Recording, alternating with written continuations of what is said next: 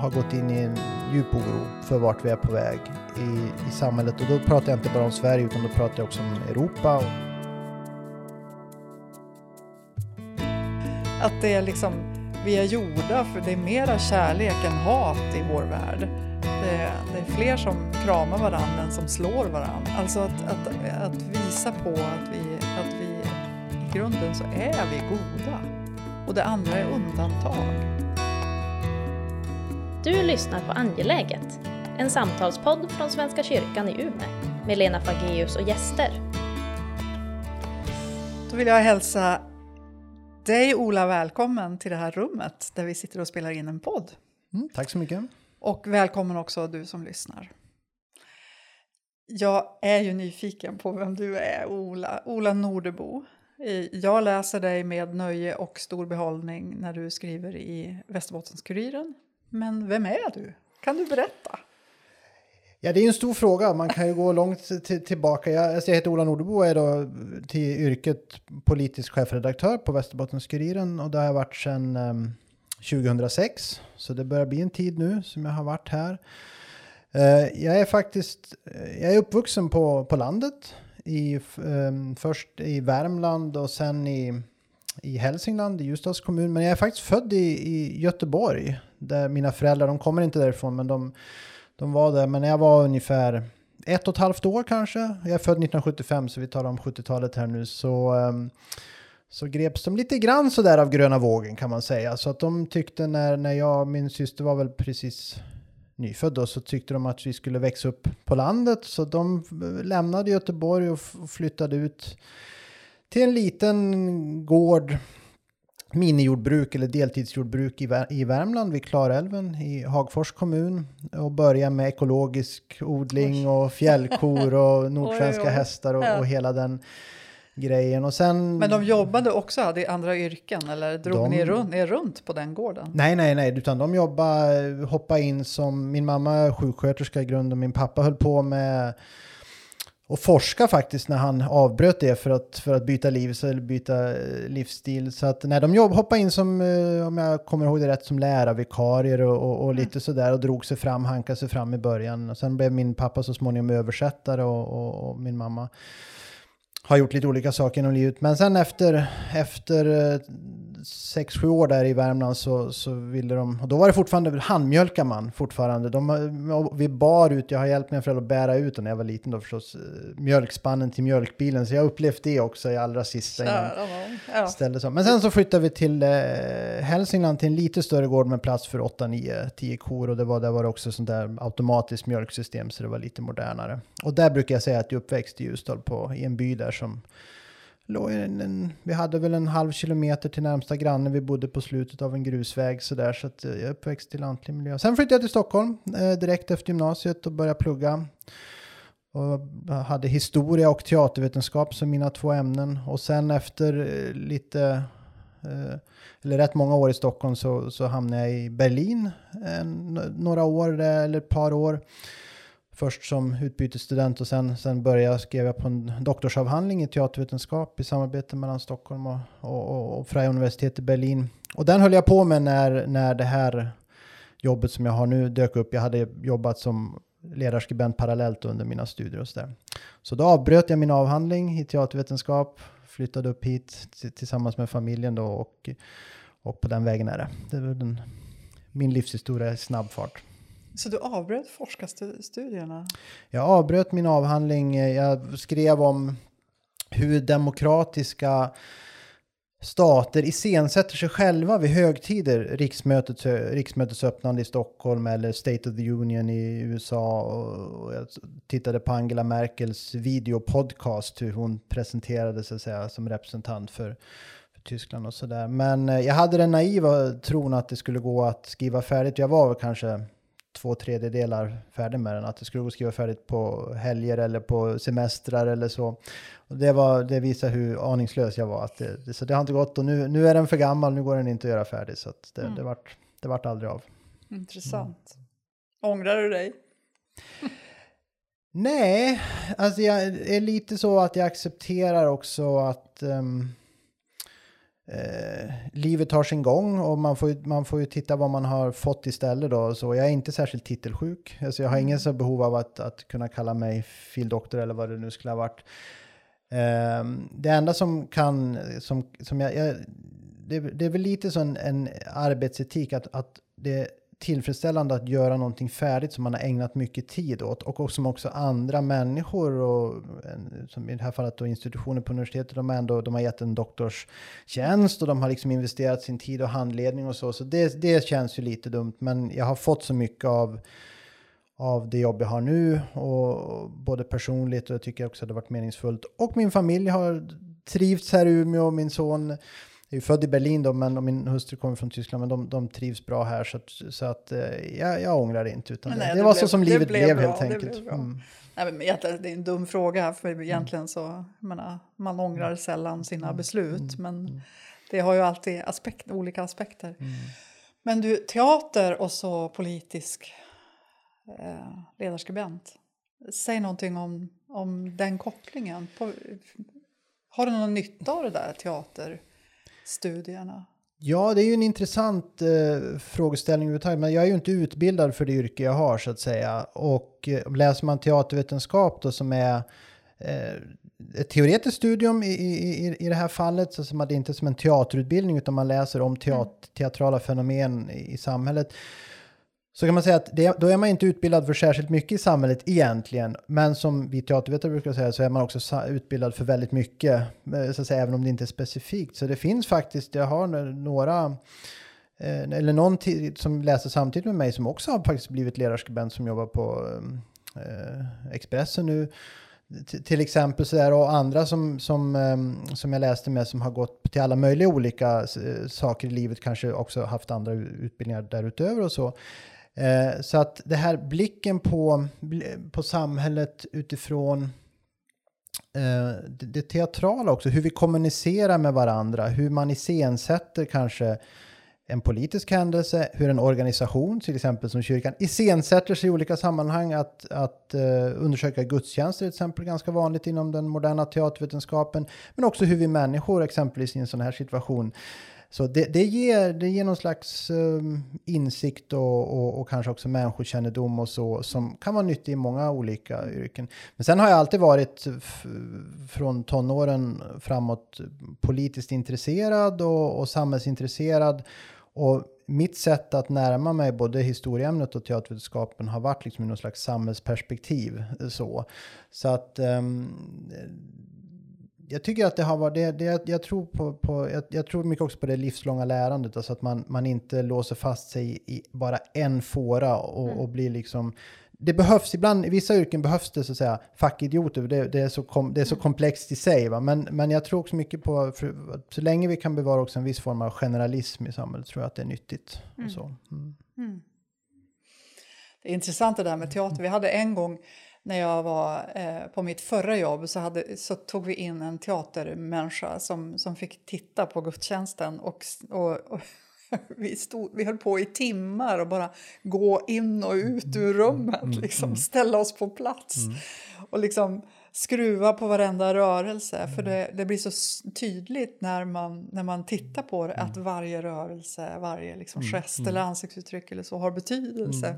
Det är otroligt spännande.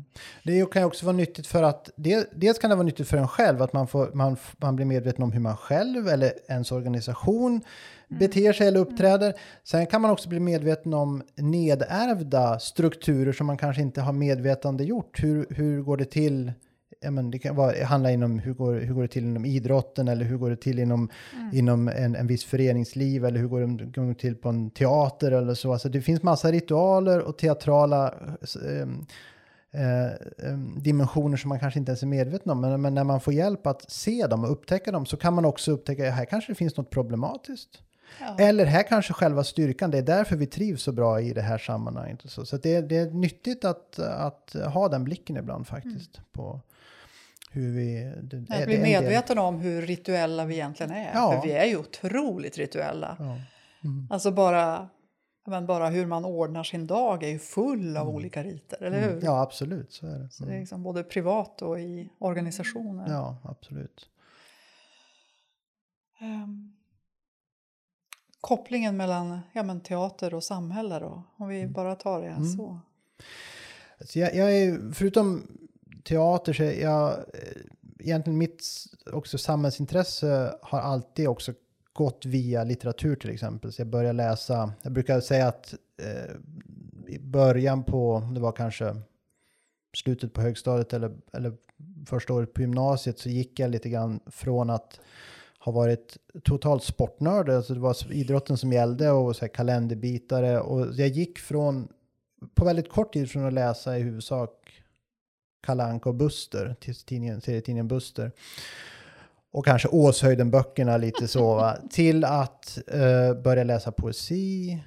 Jag läste Brott och Hur straff. gammal var du sa du? Ja, någon, om det första året på gymnasiet, någon, Ja. så någon, någonstans där i tonåren, 15 år eller någon, kanske så. Och börja läsa vu- vuxenlitteratur, läsa poesi, börja intressera mig för historia. Så, och, och, eh, så att min väg in i, samtidigt som jag blev samhällsintresserad och började följa liksom samhällsdebatten och, och, och lite politik och sådär. Så min, mitt, mitt sätt att närma mig eh, politiska frågor eller samhällsutvecklingen har ofta varit via eh, litteratur och eh, eh, via liksom den his de historiska erfarenheterna, alltså se paralleller från förr och nu. Och, och, och jag är också intresserad av med, alltså, jag tycker om att läsa biografier till exempel om människor från förr. Det behöver inte vara kändisar, det kan också vara helt vanliga eh, som man kan hitta i, i arkiven, föreningsmänniskor och så som har gjort, haft intressanta liv. Men, men så att, och, och då också naturligtvis teatern, alltså hur har olika politiska epoker speglats i sin samtids teaterliv till exempel. Det kan man ju, de som har forskat på det närmare kan se, men på 20-talet så finns det, om man går till 20-talets Berlin så, så kan man se hur samhällsutvecklingen eller liksom, och spänningarna i samhället kokar utanför teater, teaterbyggnaderna och återspelas inom på scenen också, vad, vad, vad, vilka föreställningar man gjorde, vad man spelade, hur publiken reagerar och sådär. Eh, och samma naturligtvis i, i, i romankonsten eller poesin. Så jag, jag tror mycket på det att, att i, närma sig eh, liksom aktuella dagsfrågor också, både utifrån det kulturella, utifrån historiska perspektivet så är väldigt viktigt för att få en, en bredare syn. Det kan också göra att man ibland uppfattas som, ibland kan det bli så här att man en, människor tycker att man inte tar saker och ting på tillräckligt allvar utan har en attityd, ja men det här har vi varit med om förr i samhället, eh, det här är inget nytt, det här är ett fenomen som vi kommer att ha om hundra år också för det verkar ligga i vi, vi bär det med oss som människor så fort som vi försöker organisera någonting så uppstår det vissa saker, fenomen och så. Positivt och negativt. Men ibland kan det också hjälpa att man faktiskt känner att eh, här måste vi se upp för det här finns det historiska erfarenheter eller eh, läs den här romanen eller, eller gå till arkiven och titta på den, på, på den här filmepoken eller teaterepoken och se att eh, de var då för 100 år sedan eller för 50 år sedan eller vad det nu kan vara så varnade de för saker som sen visade sig vara väldigt relevanta att bli av.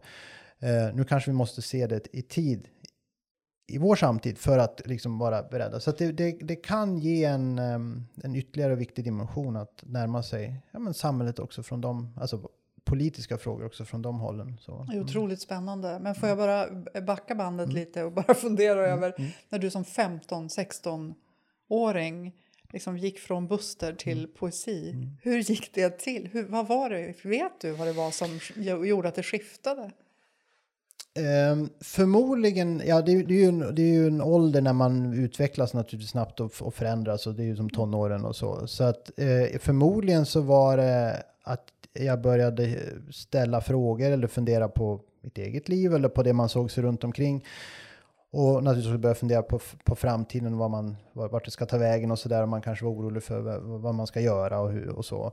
Eh, att eh, det, här, det som jag hade intresserat mig för tidigare gav inte tillräckligt, tillräckliga svar eller perspektiv. Jag upptäckte kanske att jag hade liksom inte ord att formulera saker på eller, eller, eh, eller och även för mig själv så att säga visualisera och, och, och formulera och så. Så jag, jag, tror att det var det som var en första drivkraft. Sen kommer jag ihåg att till exempel jag, jag stod i biblioteket eh, jag vet nu inte om det var den första vuxenboken, men jag stod i biblioteket och, och, och framför, då, då, då var det Dostojevskij, jag kände igen namnet, jag hade hört namnet och så var det Brott och straff och sen fick jag bara en infall, jag tog ut boken och läste på baksidan.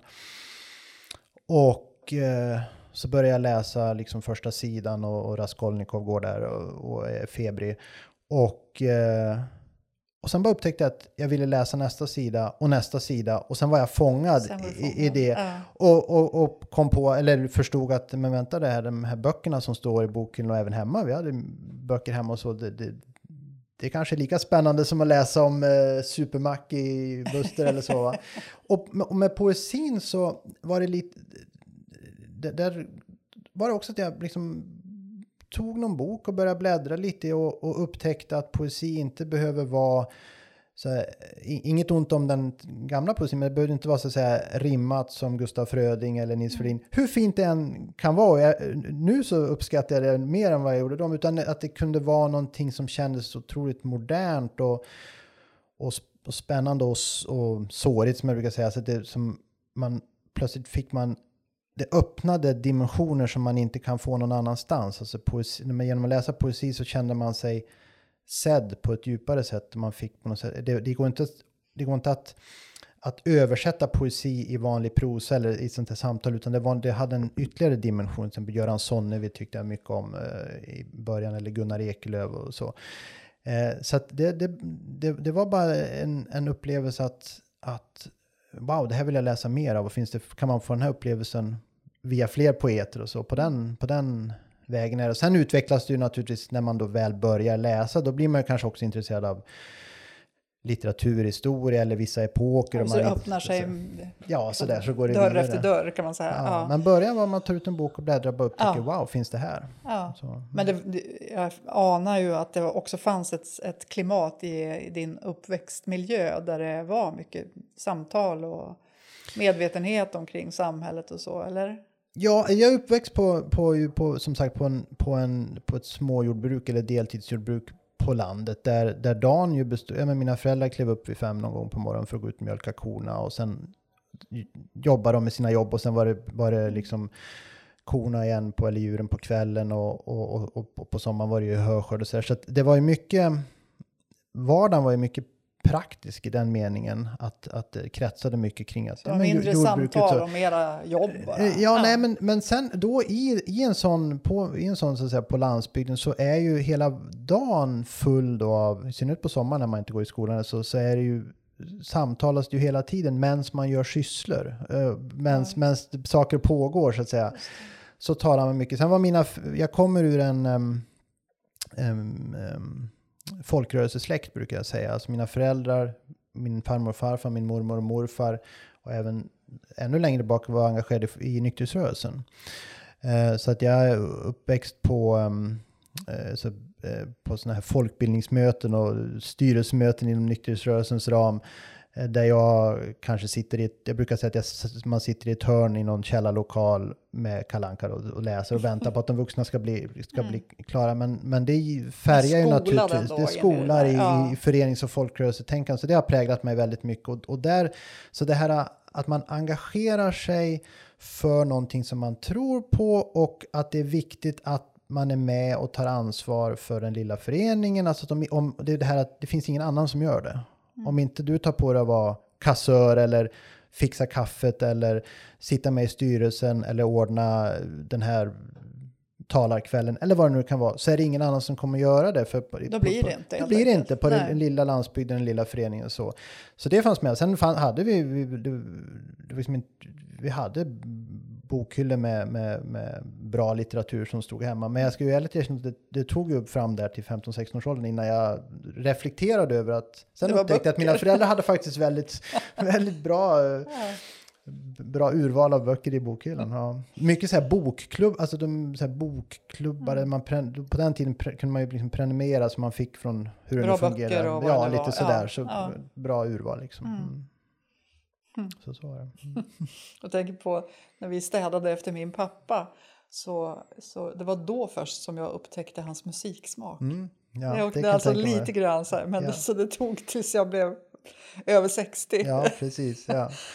innan jag upptäckte det. Ja, så, ja, ja. ja. Ja, men det, vi präglas ju väldigt av det som vi har varit med om ändå. Mm, jo. Jag menar, där- bara den där folkrörelsebilden är Ja, ja, verkligen... precis. Ja. Och mycket alltså, samt att man, man, man pratar och ganska, alltså, ganska vi, hemma hos, hos oss, det var väldigt så öppensinnat och ja, man, man pratar fritt och det var inte så, eh, så märkvärdigt. Man kunde prata om högt och lågt i ett och samma samtal från de största frågorna till de till de till synes mest banala. Så en, en, en ganska pratglad Mm. släkt om jag säger så. Var det. Mm. Mm. Vi ska gå till alltså, det här samhällsengagemanget och det som, ja, men, som vi märker av just nu. Ditt skrivande i Västerbottens-Kuriren.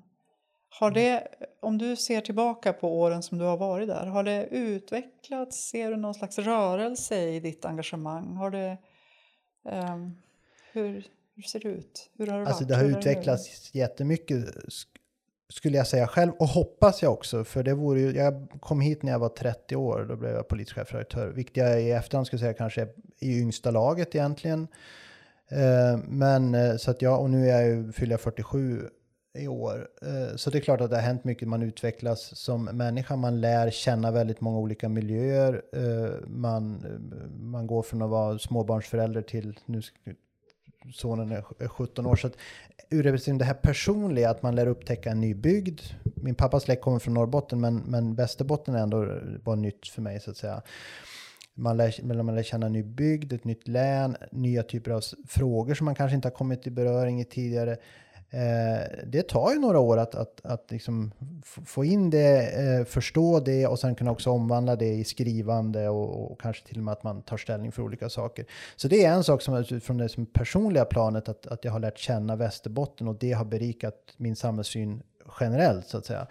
Sen nu, nu har jag också förhoppningsvis då bättre och bättre förstått eh, vad man har för roll när man, när man är i min position i media, eh, när man är en röst i samhällsdebatten, någon som eh, människor eh, tyck, tycker väldigt mycket om att hålla med och blir väldigt frustrerade när de inte håller med därför att det, det, det, det, är, en, det är en ganska inflytelserik eh, plattform att, att, att vara eh, polischefredaktör för, för, en, för en tidning som VK.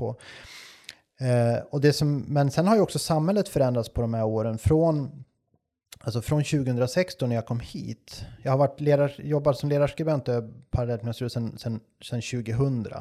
Och det är ju 22 år nu. Men, och sen, sen 2006 och då var ju fortfarande så den tekniska digitala förvandlingen av samhället hade inte riktigt, alltså den var ju på gång, men det var, det var, den hade inte alls tagit fart på det sätt som, som den har gjort sen. Eh, man kan väl säga att då, om man jämför det med idag, så hade vi fortfarande relativt idyllisk... Det känns idag i alla fall som att det var problemen som vi oroade oss för då eh, känns inte lika dramatiska som de kanske som vi har just nu med både eh, ja, men vi har klimatfrågan som har vuxit fram. Vi har det som då som jag alltså, främlingsfientlighet, rasism och, och den typen av så extrema rörelser fanns naturligtvis också, men de har ju börjat få politisk makt på ett nytt sätt. Eh, vi har haft en massa kriser, ekonomiska kriser som har gjort att, att vi inte längre kan ta det helt för givet att, ja, men det här att våra barn kommer att få det med självklart ett högre välstånd än vad, än vad föräldragenerationen har haft. Arbetsmarknaden håller på att förändras på ett sätt så att det var vi ju inne på lite början, om man utbildar sig till en sak eh, så, på 1900-talet så, så hade man relativt goda chanser att kunna fortsätta det genom hela yrkeslivet eh, fram till pensionen. Så är det ju inte alls idag, utan det, man, det är mycket vanligt att man växlar jobb, dels av personliga skäl, dels av strukturomvandlingar så branscher går och försvinner. Dels kanske att man är, vi vet inom många av välfärdens yrken, det är slitsamt. Alltså människor orkar inte genom hela yrkeslivet. Eh, det finns en utställning just nu på Västerbottens museum som heter Vi som arbetar med våra kroppar som man gärna kan gå och titta på om, om där det är också ett tema. Alltså, så det är mycket som har hänt i samhället som har, som har gjort att, att um, man har behövt liksom aktualisera det här. Vad, vad är det egentligen också då som, som en ledarsida? Vad vill vi stå för? Vad är det som är mest relevant idag att diskutera? Och det har ju förändrats. Så det går kanske så här från två, tre års perioder att man, man, en, en period skriver man väldigt mycket om kanske landsbygdsfrågor. Hade en period när jag skrev väldigt mycket Norrlandsfrågor. Eh, sen hade jag en period när jag gick tillbaka mycket och skrev om Västerbottens historia för att liksom skildra vad kan vi lära oss av historien i Västerbottens liksom byg, bygderna här. Nu har jag haft en fas när jag skrivit mycket om, om det som är det som dagspolitiska kan man ju säga det här och där vi har haft en valrörelse och så. Eh, jag hade en period när jag skrev mycket om integritetsfrågor som är en personlig hjärtefråga för mig. Alltså det här hur bevarar man rätten till att ha hemligheter, rätten till privatliv, rätten till personlig integritet i vår digitala vardag där vi ju egentligen avskaffar den själva genom att vi lägger ut, Lägger ut allt, allting ja. och så. Ja. Samtidigt som också stater försöker så att säga och även pri- privata mm. företag knaprar sig in i vården. Så det hade jag en period när jag skrev om och, sådär. Så jag, liksom- Men det har växlat lite. det växlar vad, från, vilka från teman det är. Ja, och så. Och, och klimatet var ju någonting som när jag började fanns ju med och miljöfrågor och så naturligtvis var ju alltid, är ju alltid viktiga. Men, men just den här klimatdimensionen att vi kanske måste ställa om vissa grundläggande saker i vår livsstil. Hur vi använder energi, hur vi, ska, hur vi genererar den, hur vi reser och sådana här saker. Det fanns inte riktigt för 15-16 år sedan på Nej, samma sätt. nej. Mm. När du säger det där med Västerbotten. Jag är ju från Västerbotten från början. Och kom, men flyttade när jag var typ 18 och har bott i... Mm. Vart är du? Från, från, Från Sävar. Sävar, okej. Mm. Ehm, och um, ja, men flyttade tillbaka hit för några år sedan. Och, det, och, sen, och nu är jag dessutom prost så att jag är också liksom far runt i, eh, har mycket kontakt med Luleå och, och liksom de andra orterna i, i Luleå stift. Och det är också så här, ja, men när jag växte upp så åkte man ju bara söderut, man åkte ju aldrig norrut. Så att det här det är liksom första gången som jag rör mig i Norrbotten. Men det, men det blir otroligt spännande att bara lära sig hur ja, men kulturerna, de kyrkliga kulturerna, men också och den där riktiga glesbygden. Att åka 15-20 mil för att ha en begravning. Alltså, Det är helt andra frågor. Det är spännande. Det är väldigt, och apropå det att flytta söderut, flytta norrut. Nu är ju för första gången, eh, jag skulle säga även historiskt, på, åtminstone på, vi måste gå tillbaka långt tillbaka historien, att det är en rörelse norrut igen. Alltså det ju, har ju varit att man har flyttat eh, mot det urbana eller mot kusten, här i, i vårt fall mot kusten och mot det urbana, eller söderut till där jobben har funnits, där utbildningarna har funnits. Och nu med den här Norrlandsboomen där som man talar om som ju är, man kan diskutera mycket fram och tillbaka om, men, men det, nu finns det tryck att det är här jobben finns så att människor ska lockas från södra Sverige upp hit. Och också från mycket mer tätbefolkade då regioner i Sverige till det som är ändå mer glesbefolkat. Det ska bli väldigt intressant. Förmodligen kommer forskare att kunna göra via olika studier. Hur har människor reag- reagerat på den resan istället för att det har varit från kanske man är uppväxt på landet och flyttar till stan. Liksom mer upp, flyttar från södra Sverige till norra Sverige. Men det är också någon slags... Eh, de- delvis lite revansch för norra Sverige. Plötsligt är det liksom, behöver man inte be om ursäkt eh, eh, och behöver inte bli utmålad som att man tärande som det har varit i liksom den här hierarkin vad som har funnits. Men också en möjlighet att, och kanske också en, en, en skyldighet att visa, okej, nu har vi pratat, vi som har debatterat landsbygd i alla dessa år, landsbygdens också fördelar. Alltså jag har inget emot städer, tvärtom. Jag, Berlin och Stockholm och, och så, men, men där jag har bott och, och, och trivs. Men, men vi har talat så mycket om se landsbygdens möjligheter som livsmiljö, som livsstil. Eh, att det inte handlar om att man försakar saker, utan man vinner saker, man vinner närhet till natur, men man har också kvar nu med den digitala utvecklingen, man har kvar många möjligheter. Nu gäller det att visa det också för de som flyttar upp hit, så att, och, och, och ha en, ett öppet sinnelag att vara välkomnande. Inte det här, ja, nykomling, om du måste bo i tre generationer i en by för att du inte ska vara den nya längre, utan visa nu alla som kommer, det gäller naturligtvis alla som kom från hela världen naturligtvis, men också det här södra Sverige, norra Sverige. Att nu har, nu har vi en chans på, en, på, på, på tio år framåt här när, när man ju tror att många ska flytta hit. Att eh, leva upp till det vi har sagt att det är fint här uppe. Det, det är trevligt och det är trivsamt. Och så. Mm, Och det kommer ju också förändra samhället. Att det kommer nya inflyttade. naturligtvis. Och det måste man bejaka. Det Ja. tror jag är ju en nyckel. Alltså man ska inte... Och det, det, där är ju människor olika och det vet vi och det är ju en av skälen till att det ser ut politiskt i hela västvärlden som det gör. Att, att det är svårt för ett samhälle att hantera eh, när, det, när det förändras. Så, att säga. Det, det, så är det ju.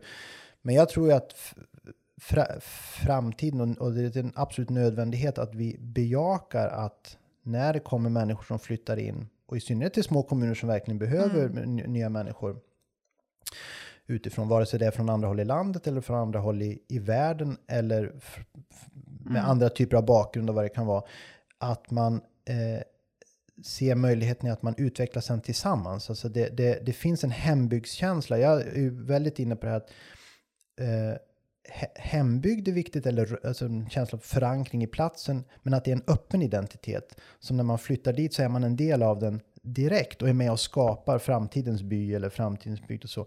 Att lära, lära sig hantera det eh, för, en, för en region till exempel, Mm. det är, eller för ett land eller för ett samhälle, det är en jättestor och svår utmaning som vi ser och det är många som känner sig att det kanske är för Man vill ha det som det var och så vet man inte ens hur det var. Nej, precis. Men jag tror att det är liksom, om jag har en passion i det, i det jag skriver i VK så är det är en av dem liksom att behöver inte be om ursäkt på något sätt att man, är, man känner för sin hembygd också, för sina, sina Mm. rötter, sina traditioner, det här föreningslivet. Man kan gå tillbaka och se vad farfar och mormor och, gjorde och man, man, de var med och byggde Folkets hus eller skolan eller så. Va? Mm. Jättes, jättestarkt och viktigt i ditt liv. Men bejaka också det nya, de nya människorna och de kommer att tillföra någonting som är och, och välkomna dem in. Gör dem till en del av den traditionen, men var också öppna för att traditionen kommer att förändras.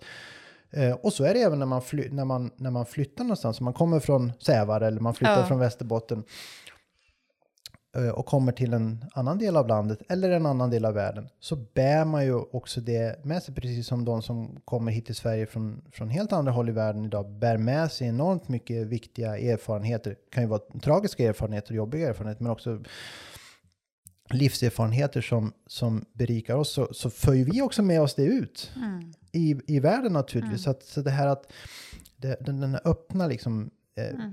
identiteten tror jag blir väldigt men, och du har ju verkligen Mm. prövat, eller hur? Bott i Berlin och har Ja. med dig en fru från Berlin. Och, Ja, det är ju lite, det är ju en- enklare så att säga, Ja. och det finns större likheter mellan de länderna, men det, jag tycker det har varit, det var en viktig erfarenhet för mig att plötsligt inse, vi är ganska verbalt lagd, eller jag, jag, jag, jag känner, jag har självförtroende i mitt språk, eller jag vilar i mitt språk och känner att jag kan förklara mig själv och företräda mig själv och så. Och sen var jag i ett land där jag inte kan språket Ja. särskilt bra. Väldigt viktigt att få en känsla också och naturligtvis eh, min hustru kommer hit och, och, och har lärt sig svenska här och så. Eh, det har gjort att, att jag har eh, hoppas jag förstått hur, hur komplext det här med till exempel språk, att komma in i ett nytt land, hur, hur svårt det kan vara i början och så, att det må, saker och ting måste få Mm. ta tid. Mm. Eh, det, det tror jag är, är viktigt att komma ihåg. Vi, har så, vi är så... Allt ska lyckas från början. Det är så mycket, det ska gå så snabbt och det ska som att det, som att det vore enkelt i livet. Alltså man, det ska gå liksom, allting är som om det vore mekaniskt, att man Mm. kommer hit, man ska sig det. Men det är otroligt komplext att vara människa överhuvudtaget och att då Mm. det som var det i ett, I ett nytt och så sammanhang, är ja. jättesvårt. Mm. Men du, ska vi gå till, också till den politiska situationen eller samhällssituationen som vi har just nu? Jag tror att, eh, i alla fall för min del och många med mig, och jag anar att det finns hos dig också, att det finns en stor oro över vart vi är på väg. Att det är liksom en isärdragning i samhället där klyftorna ökar och man pekar ut varandra som, som annorlunda eller olika. Och det, ja, men jag är djupt oroad. Jag vet inte vart tar vägen. Om du tänker på, ja men både det blir ju intressant att fundera över, ja men vi vet ju att det finns paralleller i historien. Mm. Där folk har sagt ungefär samma saker och den blev ju katastrofal. Mm. Ja, säg någonting om hur du tänker om var vi är idag. Ja, men jag är också ehm, väldigt oroad. Och det min in, normalt, min instinkt, min läggning, min normala hållning är att jag är den ofta i samtal som säger att det kommer att bli bra. Eh, vi kommer att kunna lösa det här. Ehm, eh, det har ändå blivit bättre i, i världen och, och, och jag skulle inte vilja byta epok. Alltså jag skulle inte leva i någon annan epok utan vi har det ändå bättre nu. Friare, öppnare, tolerantare och så. Det brukar vara min normala så att säga hållning. Ehm, men jag, är, jag upptäcker att jag de senaste åren, men, och, och inte minst nu, det senaste året kanske, eh, har gått in i en djup oro för vart vi är på väg i, i samhället. Och då pratar jag inte bara om Sverige utan då pratar jag också om Europa och tar även en titt på USA för vi är ju väldigt präglade också av vad som händer, händer där. Men även, eh, jag menar, vi har Ryssland nu som är ett land som håller på, som jag är väldigt intresserad av rysk litteratur och sådär, så att, så att eh, känner ju djupt tragisk fråga där. Kina är väldigt, väldigt problematiskt också. Att jag känner att vi är på väg in globalt, men även i värsta fall i Europa, i en, en auktoritär era, så att säga, där saker som vi trodde att vi hade övervunnit med så demokrati, mänskliga och medborgerliga rättigheter, ökad tolerans, öppenhet, mångfald och så. Det som vi trodde liksom bara, det hade vi klarat av på något sätt. Vi är överens om att det här är ändå det grunden för ett bra samhälle. Sen har vi en massa andra problem och vi, det ska mm. finnas liksom, konflikter ändå naturligtvis i, för att det ska fungera och, och, för att vi inte ska bli självbelåtna och så. Men, men vi hade kommit överens om att det är ändå det grunden vi ska stå på. Och det är nu tycker jag man känner att ifrågasätts nu. Det skakar nu. Så, ja. det skakar och det, det liksom, hur man ser på andra människor, hur man delar upp människor. Saker som, som hörde historien till kommer tillbaka. Och man, det är mycket rop efter auktoritära lösningar. Eh, det finns en uppenbar främlingsfientlighet definitivt och jag tycker att den är laddad med rasism också i, i, delvis i, i vår samtid och hur man så att säga beskriver människor. Man beskriver människor som hot och tärande så kollektivt. Så mm. jag har ingen som helst. Jag, jag tycker att jag har liksom full förståelse för och delar vreden över till exempel brottslighet, mm. gängkriminalitet när det drabbar. Eh, jag bodde själv tio år i, i Tensta i Stockholm medan jag, jag pluggade där. Och, och, och, känner till den miljön ganska mycket och vet att det, det kan vara väldigt problematiskt när, när krim, kriminella element kommer in och framförallt för de som bor där i de mm. ut, utanför det, har jag, det tycker jag inte är något som helst konstigt att man debatterar det, men man gör det genom att klumpa ihop människor kollektivt, ofta utifrån eh, rasistiska eller främlingsfientliga liksom, mönster. Eh, man tänker att lösningen är att vi, vi vågar inte lita på, på demokrati, vi vågar inte lita på öppenheten, vi vågar inte lita på medmänniskor, utan vi måste lösa det liksom genom mm. att och sen den här fascinationen inför starka ledare som vi har. Alltså fram tills att Ryssland anföll Ukraina så var det ju inom den europeiska extremhögern ganska vanligt att man satt sitt hopp till Putin och sa att Putin kom och hjälp oss att liksom uh, få lite ordning på våra samhällen och så här. Det var inte så populärt, är inte så populärt nu, men det, vi kommer ihåg hur det, hur det mm. lät. Donald Trump naturligtvis, som vi inte kan utesluta, blir president uh, igen. Uh, man hoppas att det inte blir så, men vi kan inte utesluta det i alla Nej. fall. Och vi ser i, i Ja, Sverige är ju ett av de länder som nu har fått en, en politiskt skifte som, som, som är problematiskt. Vi har sett det i Italien, vi har Ungern och Polen naturligtvis, det har mm. gått längre. Så att jag, är, jag är för första gången på länge eh, orolig för hur kommer det att se ut om 10-20 år? Är vi på väg in i en ny, väldigt, väldigt destruktiv eh, period? Eller finns det fortfarande hopp? Jag bruk, brukar säga att man talar ju alltid om 30-talet och jag brukar mm. säga att som, utifrån min, som min historiska läggning att det är fel att säga att, att det var så här det började på 30-talet. Det var så här det började på 20-talet. Det liksom har blivit min formulering. Eller kanske till och med 10-talet. Eh, det vill säga vi är, ganska, vi är i en tidig fas fortfarande om jag tittar på Sverige och även Europa. Så vi är inte liksom i 30-talet än. Så vi har fort, och det är min källa till optimism. Vi har fortfarande möjligheter att bromsa det här, att peka på alternativa vägar för samhället. Alternativa sätt att lösa de här problemen som finns. Det finns en massa problem. Det finns en problem med, med klyftor. Det finns problem med delar av, av Sverige som har hamnat utanför och som, och som inte har så stort hopp om framtiden. Eh, vad, vad ska man leva av? Vad, vad, vilka jobb ska man ha? Man känner att man inte blir, blir respekterad och sedd. Allt sånt är full, helt mm, relevant. Helt adekvata frågor att driva. Mycket. Så, ja. Och hur ska vi klara, hur ska vi klara um, våran, den här så kallade kompetensförsörjningen? Det gäller inte bara industrin som man ju talar om nu då här i norra Sverige, att de har hittat folk, utan välfärden, vården, lärare. Hur ska, vi, vi, vi är fler människor än någonsin. Eh, och man har en känsla av att många unga människor på vad ska vi försörja oss av? Och samtidigt så vet vi att det finns enorma behov i de här eh, mm. välfärdsyrkena. Men eftersom villkoren är som de är, det är slitsamt, eh, arbetsmiljön eh, funkar inte alltid och, och, det har inte, ger inte det är inte statusbetonat, så är det otroligt svårt att få det här att, att gå ihop. Vad ska vara fundamenten i vår mm. välfärd framöver? All, all den där typen av frågor kräver ju lösningar, så man kan inte säga att ja, men vi har det, det är ju väl bra, vad, vad, är, vad mm. finns, vad är finns problemet? Det, vad är problemet? Utan det finns problem, och klimatet. Hur ska mm. vi klara den klimatomställningen utan att det uppstår eh, stora orättvisor? Jag kommer själv, ja, med mitt landsbygdsengagemang, det är klart att jag inser att, att eh, eh, transporter till exempel är en, en komplex fråga.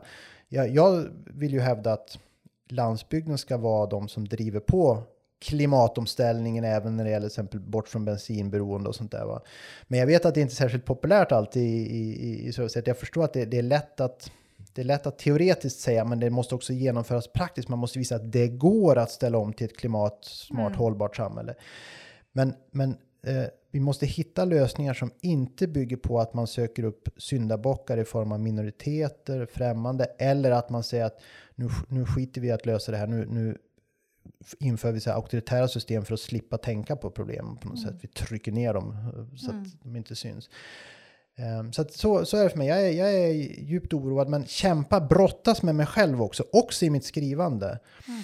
Jag har sagt det nu, att nu har, jag, nu har jag varnat för saker i VK. De som läser mig där vet att nu har jag varnat väldigt starkt ungefär för det jag pratar om här mm. och, och gett min oro uttryck. Men jag inser också att okej, okay, vi får inte tappa det här att det går. Alltså det, det, är lustfyllt att skapa det klimatsmarta hållbara samhället. Det är lustfyllt att skapa ett, att, att bevara öppenhet, att där vi är många människor, att ett samhälle där människor kommer från olika delar av världen, det är, det, det, det är spännande, det är berikande. Man får inte förfalla i, i eh, passivitet eller rädsla eller, eller, eh, eller uppgivenhet bara för att den politiska utvecklingen går, går emot det man själv tror på just nu, utan man måste fortsätta också formulera konstruktiva, positiva liksom, idéer och, mm. och så, lösningar. Det blir, en, det blir en svår utmaning. Det ja, det är den stora utmaning. utmaningen, mm. tänker jag också. Alltså jag är ju, jag tror ju, um, jag delar allt du säger och, och, tycker verkligen att det är otroligt komplicerat. Men jag väljer också att ha någon, någon slags hoppets mm. uh, blick. Uh, och jag tänker att det ligger väldigt mycket i civilsamhället. Mm, alltså mm. jag har inte så stort hopp om för politikerna mm, mm måste jag mm, säga. Jag tror inte att det är de som kommer att rädda oss. Utan jag tror att, att det är civilsamhället.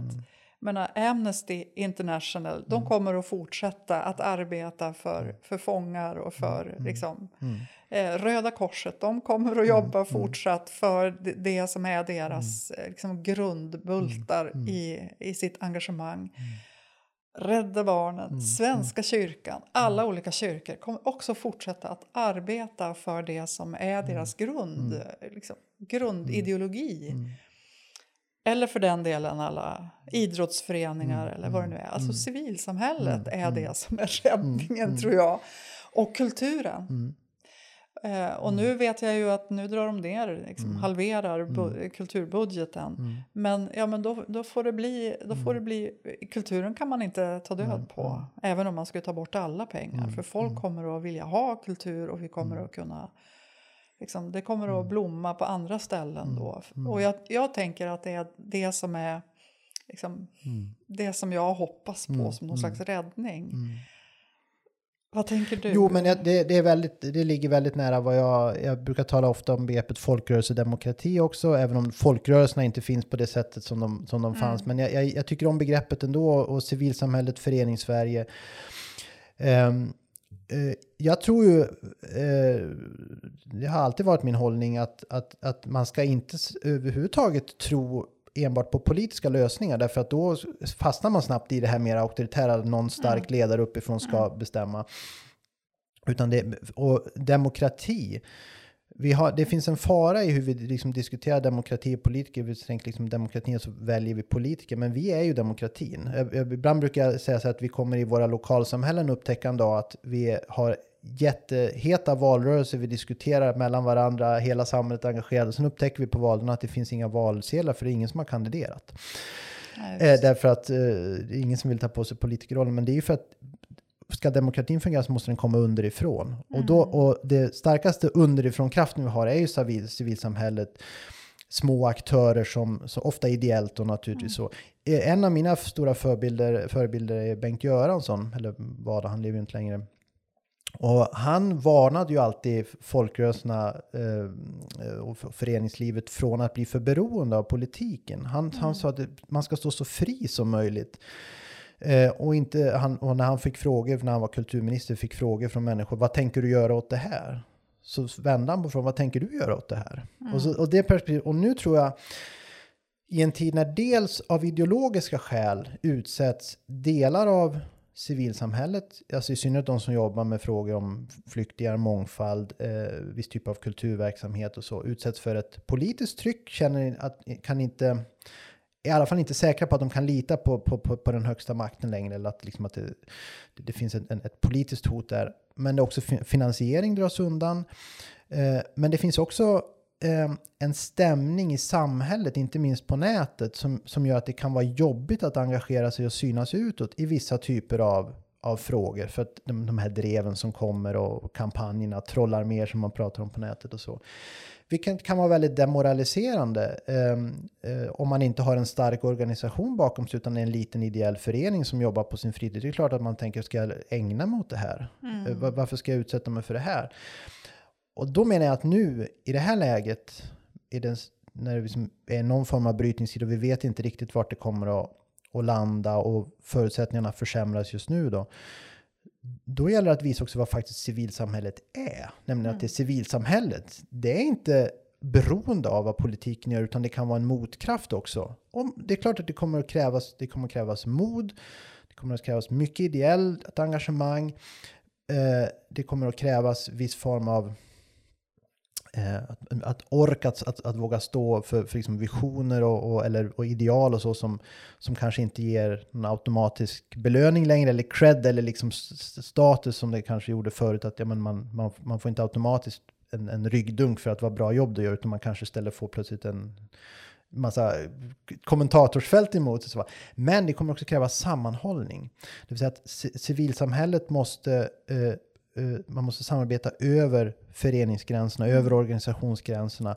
Kanske även med de som man annars inte riktigt känner sig, förstår sig på och så. Men så att, civil, så att man, de här nätverken blir så starka som möjligt för att stå pall under en period när kanske liksom det går åt mer repressivt håll politiskt. Så jag kan också se på något sätt, för vi vet ju att föreningarna har, det, det är svårt för föreningarna att hitta människor. Mm. Eh, de partierna som ju också är viktiga i det här fallet, de, det är några få eldsjälar ofta på många håll som håller i det, tack och lov för att de mm. finns. Mm. Men de är få. Eh, det är svårt att hitta idrottstränare. Föräldrar kommer, riktar sig till lokala idrottsklubben och frågar ja, men vem, vem, varför är, var det ingen tränare idag? Och inser inte att ja, men det är föräldrarna själva som måste vara tränare, annars så blir det ingenting. Alltså, vi måste som, tillsammans hjälpa åt.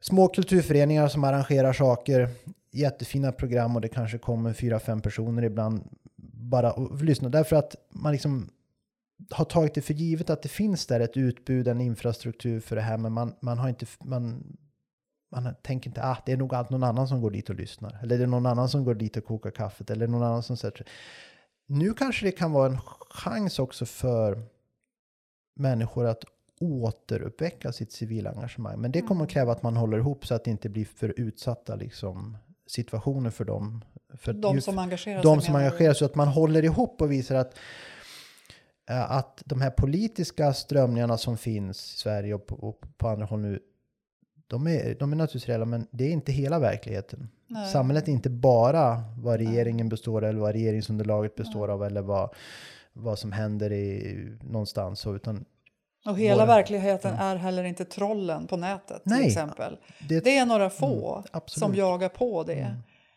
Men det, man ska ändå palla. Jag mm, tänker på mm. våran ärkebiskop som verkligen har varit utsatt. Mm, mm. Eh, otroligt mm. hårt utsatt mm. för de där trollen.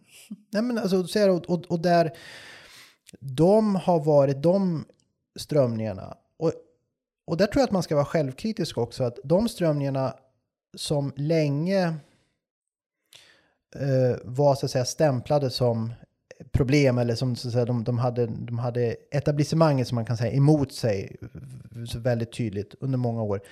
De har lärt, att, lärt sig att organisera sig, eh, att hålla ihop, att hitta sina strategier under stort, stort motstånd. De kommer väldigt väl förberedda, de här mm. trollarméerna och så. Det är väldigt väl organiserade saker. Medan eh, det etablerade samhället organisationer, stora som små, som har varit van, vant sig vid att inte behöva hantera sådana såna saker, eh, har blivit lite överrumplade. Mm. Så till och med stora organisationer som kan vara en kyrka eller kan vara politiska partier eller det kan vara eh, starka kulturinstitutioner eller vad det nu är. Eh, deras företrädare kan plötsligt upptäcka sig vara ganska ensamma på nätet. Man börjar tycka att det finns liksom massa medlemmar som, vart är alla? Vart är, vart är mm. liksom, vart är backa, varför backas mm. de inte upp? Varför sitter mm. en person och blir helt eh, ensam? Men det är för att det inte, man är överrumplad. Man har inte hunnit liksom ställa om och förstå hur funkar den digitala debatten? Vad måste man ha för strategier för att människor ska orka och så? Eh, där tror jag också mycket att alla hjälps åt, då blir det här, de här trollen inte så starka som, som mm. de är i realiteten idag mm. på nätet i många sammanhang. Mm. Ja, du tänker att de är så organiserade som du beskriver nu? Jag har liksom bara det, tänkt att det är liksom sådana som är men... Det, är, det finns naturligtvis alla, det, alla, möjliga. alla möjliga, men det finns välorganiserade kampanjer på nätet som, som, som styrs av av, av, personer som vet mycket väl vad de gör. Och så, så det är också delvis mycket välorganiserat. Mm. Och då måste också är du själv utsatt? Um, jag ska säga att jag är inte längre särskilt aktiv på sociala, sociala, sociala medier uh, alls. Uh, och när jag är det så är det mer priva, pri, privat är kanske fel ord, men det är liksom inte politiskt och det är inte mm. min yrkesroll egentligen, så även om allting är flyttat ihop lite grann, utan mm. jag har lite mer så här fritidsintressen och kommunicera med släkten och, och så. Ja. Plus lite sådana som man har eh, haft som följare på, på, på nätet. Jag, jag var ju på, på Twitter i, för, i början så att säga och, och var ganska aktiv och, och, och testat lite olika sociala medier. Eh, men jag har um, för min egen del kommit fram till att jag är inte rädd för att säga vad jag tycker eller skriva vad jag tycker eller ta, ta debatter så. Men jag har kommit fram till att det, jag mår inte bra av och jag blir inte bra i mitt jobb och i mitt, min analys om jag hänger i kommentatorsfälten och läser vad, vad de här, mm. där det går som hårdast till. Därför att jag blir, eh, det tar för mycket energi. Ja. Där blir jag liksom Eh, jag blir inte opåverkad. Det, det gör inte att jag skulle skriva någonting annat än jag gör, men jag blir inte opåverkad. Alltså det gör att ja. jag får mindre energi att, att fortsätta sköta mitt jobb. Det är inte heller mitt uppdrag gentemot våra läsare. Lä, läsarna är ju våra, det är våra mm. uppdragsgivare. De förväntar sig att vi ska hålla så hög nivå, kvalitet och relevans som möjligt. Och om, om vi liksom ägnar för mycket energi åt så att säga, de här mm. destruktiva krafterna, då blir vi sämre i våra jobb. Och, men sen har jag också upptäckt att, att um, att um, eh, det finns en risk att man får en, en, en, en väldigt negativ människosyn. Mm. Att man börjar tänka att är det här liksom allt som finns i vår samtid? Eh, det, under pandemin, så när, när mycket skedde på nätet, så, så tror jag att fler än jag som hade en känsla av att det, det var, man, man var tvungen att åka ner på stan och ser människor, man ser att det finns en värld utanför den, dessa mm. kommentatorsfält där människor mm. gör kreativa, konstruktiva saker. De umgås fast de inte liksom håller med varandra. De sitter och samtalar med varandra och mm. det, det liksom, samhället fortsätter att fungera trots allt. Eh, och det där har jag känt också mitt råd till yngre kollegor att, att eh, sök upp läsarna ut i lokalsamhällen och se, se liksom verksamheter där hur de faktiskt ser ut. Fastna inte på nätet för då får man en konstig människobild. och sådär. Ja. Så att jag, ja, men, men när det gäller utsattheten så, så är ju, har man min roll och, så, mm. och skriver om de här frågorna så, så finns det en utsatthet. Mm. Västerbotten är ganska snällt. Mm län i, i jämförelse med en del andra håll. Det, det, om man jämför med vad kollegor utsatts för. Eh, och sådär. Så att, och de som är aktiva, om jag hade varit aktiv på nätet på ett annat sätt, då skulle jag varit mycket mer utsatt mm. än vad jag är. Men, så att jag får inte känna det på det sätt som de som är värst drabbade får. Nej. Men jag, ja, jag kan ju Men ana bara av det. Men du är lite noga med hur du, hur, vad, hur du gör på något sätt? Ja, och, och får ju också, jag menar, det finns ju många kanaler nu, så det, det, det har ju, det går tufft till mm. nu. Det, så, så är det. det jag, jag, har precis jag har ägnat eh, hösten åt att läsa den här stora tjocka boken om Putin mm. och så Martin Krags bok, eh, mm.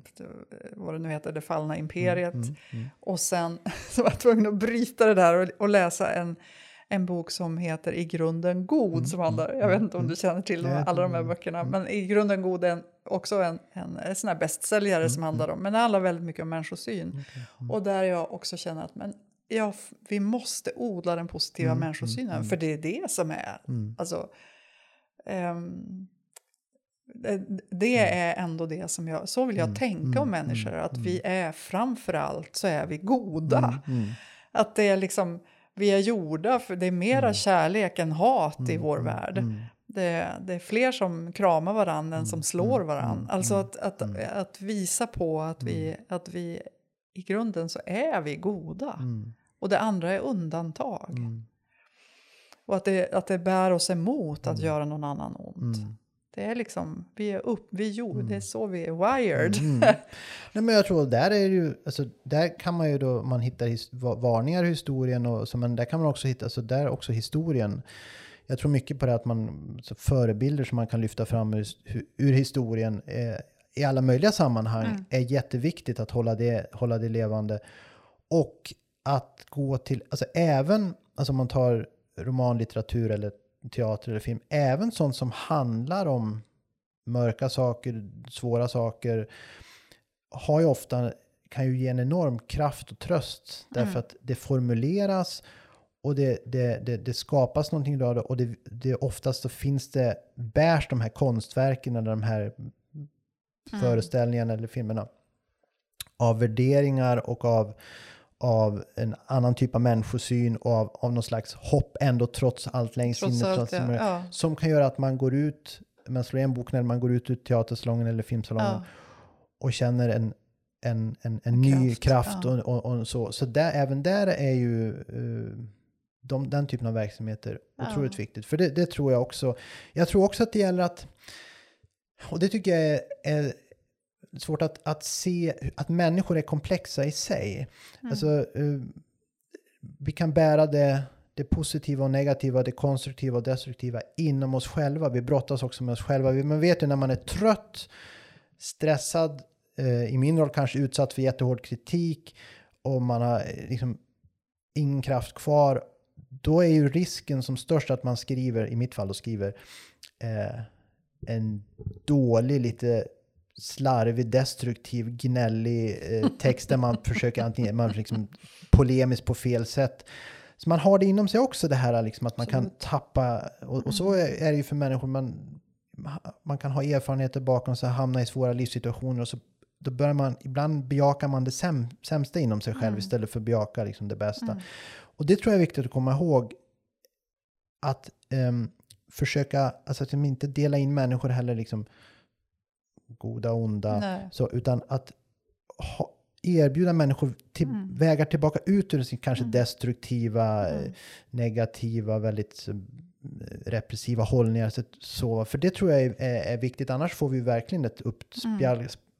Nej, men att man tänker att man värderar oss eller varandra Mm. olika och att Ja. verkligen se det här.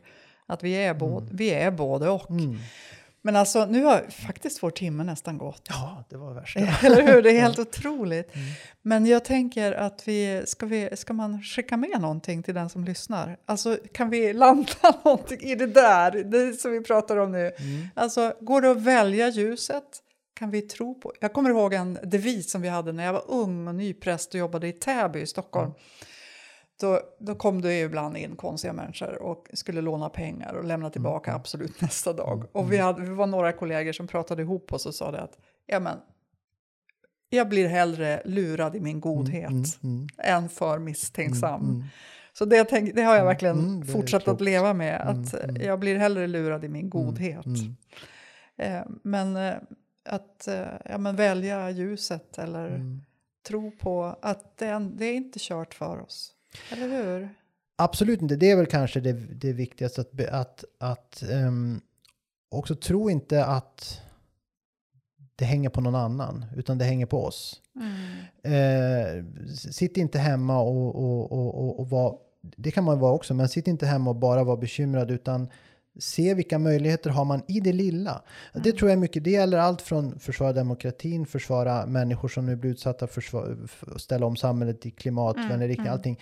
Den lilla handlingen, den lilla gesten i slutändan består allt det stora av små, små gester som samlas Mm. till någonting större. Eh, så att om en förening an- arrangerar något, något, något, något, något bra, ja men gå dit en kväll då. Eh, uteslut inte att du själv engagerar dig i någonting, kanske till och med ett politiskt parti eller någonting. Eller i eh, kyrkan. Eller i kyrkan, eller, i, eller gå och vara tränare i, Ja. i, eh, i den lokala eh, fotbollsklubben och försök stå för någonting positivt där. Ehm, eh, fastna inte i att, att bara gräva det djupare ner i att följa liksom, katastrof, eh, Mm. det här surfandet och dessutom, utan logga ur, läs en bra bok, gå på Mm. teatern, eh, samla kraft för att, och vi, det är också tror jag viktigt, vi kan, den som vill liksom engagera sig för någonting, man kan inte vara engagerad dygnet runt hela tiden. Utan man måste också eh, ha möjlighet att samla kraft, reflektera, Mm. eh, tankar som man säger. Och då gäller det att vi är många som hjälps åt så att vi kan växeldra oss igenom. Mm. Och I vissa livsfaser har man ingen kraft över annat än för det man gör. Och då Får det vara någon annan som drar. Mm. Absolut inte förlora, eh, förlora modet. Och, och framförallt så är det, det, det demokratin, samhället, det är inte några andra utan det är vi. Det, Så Mm. är det. Mm. Och vi gör det här tillsammans. Ja, vi gör det tillsammans. Mm. Tack för att du kom. Tack, Tack för för att du lyssnar. Tack.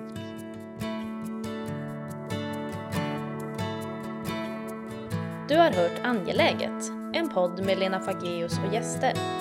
Podden är producerad av Svenska kyrkan i Umeå.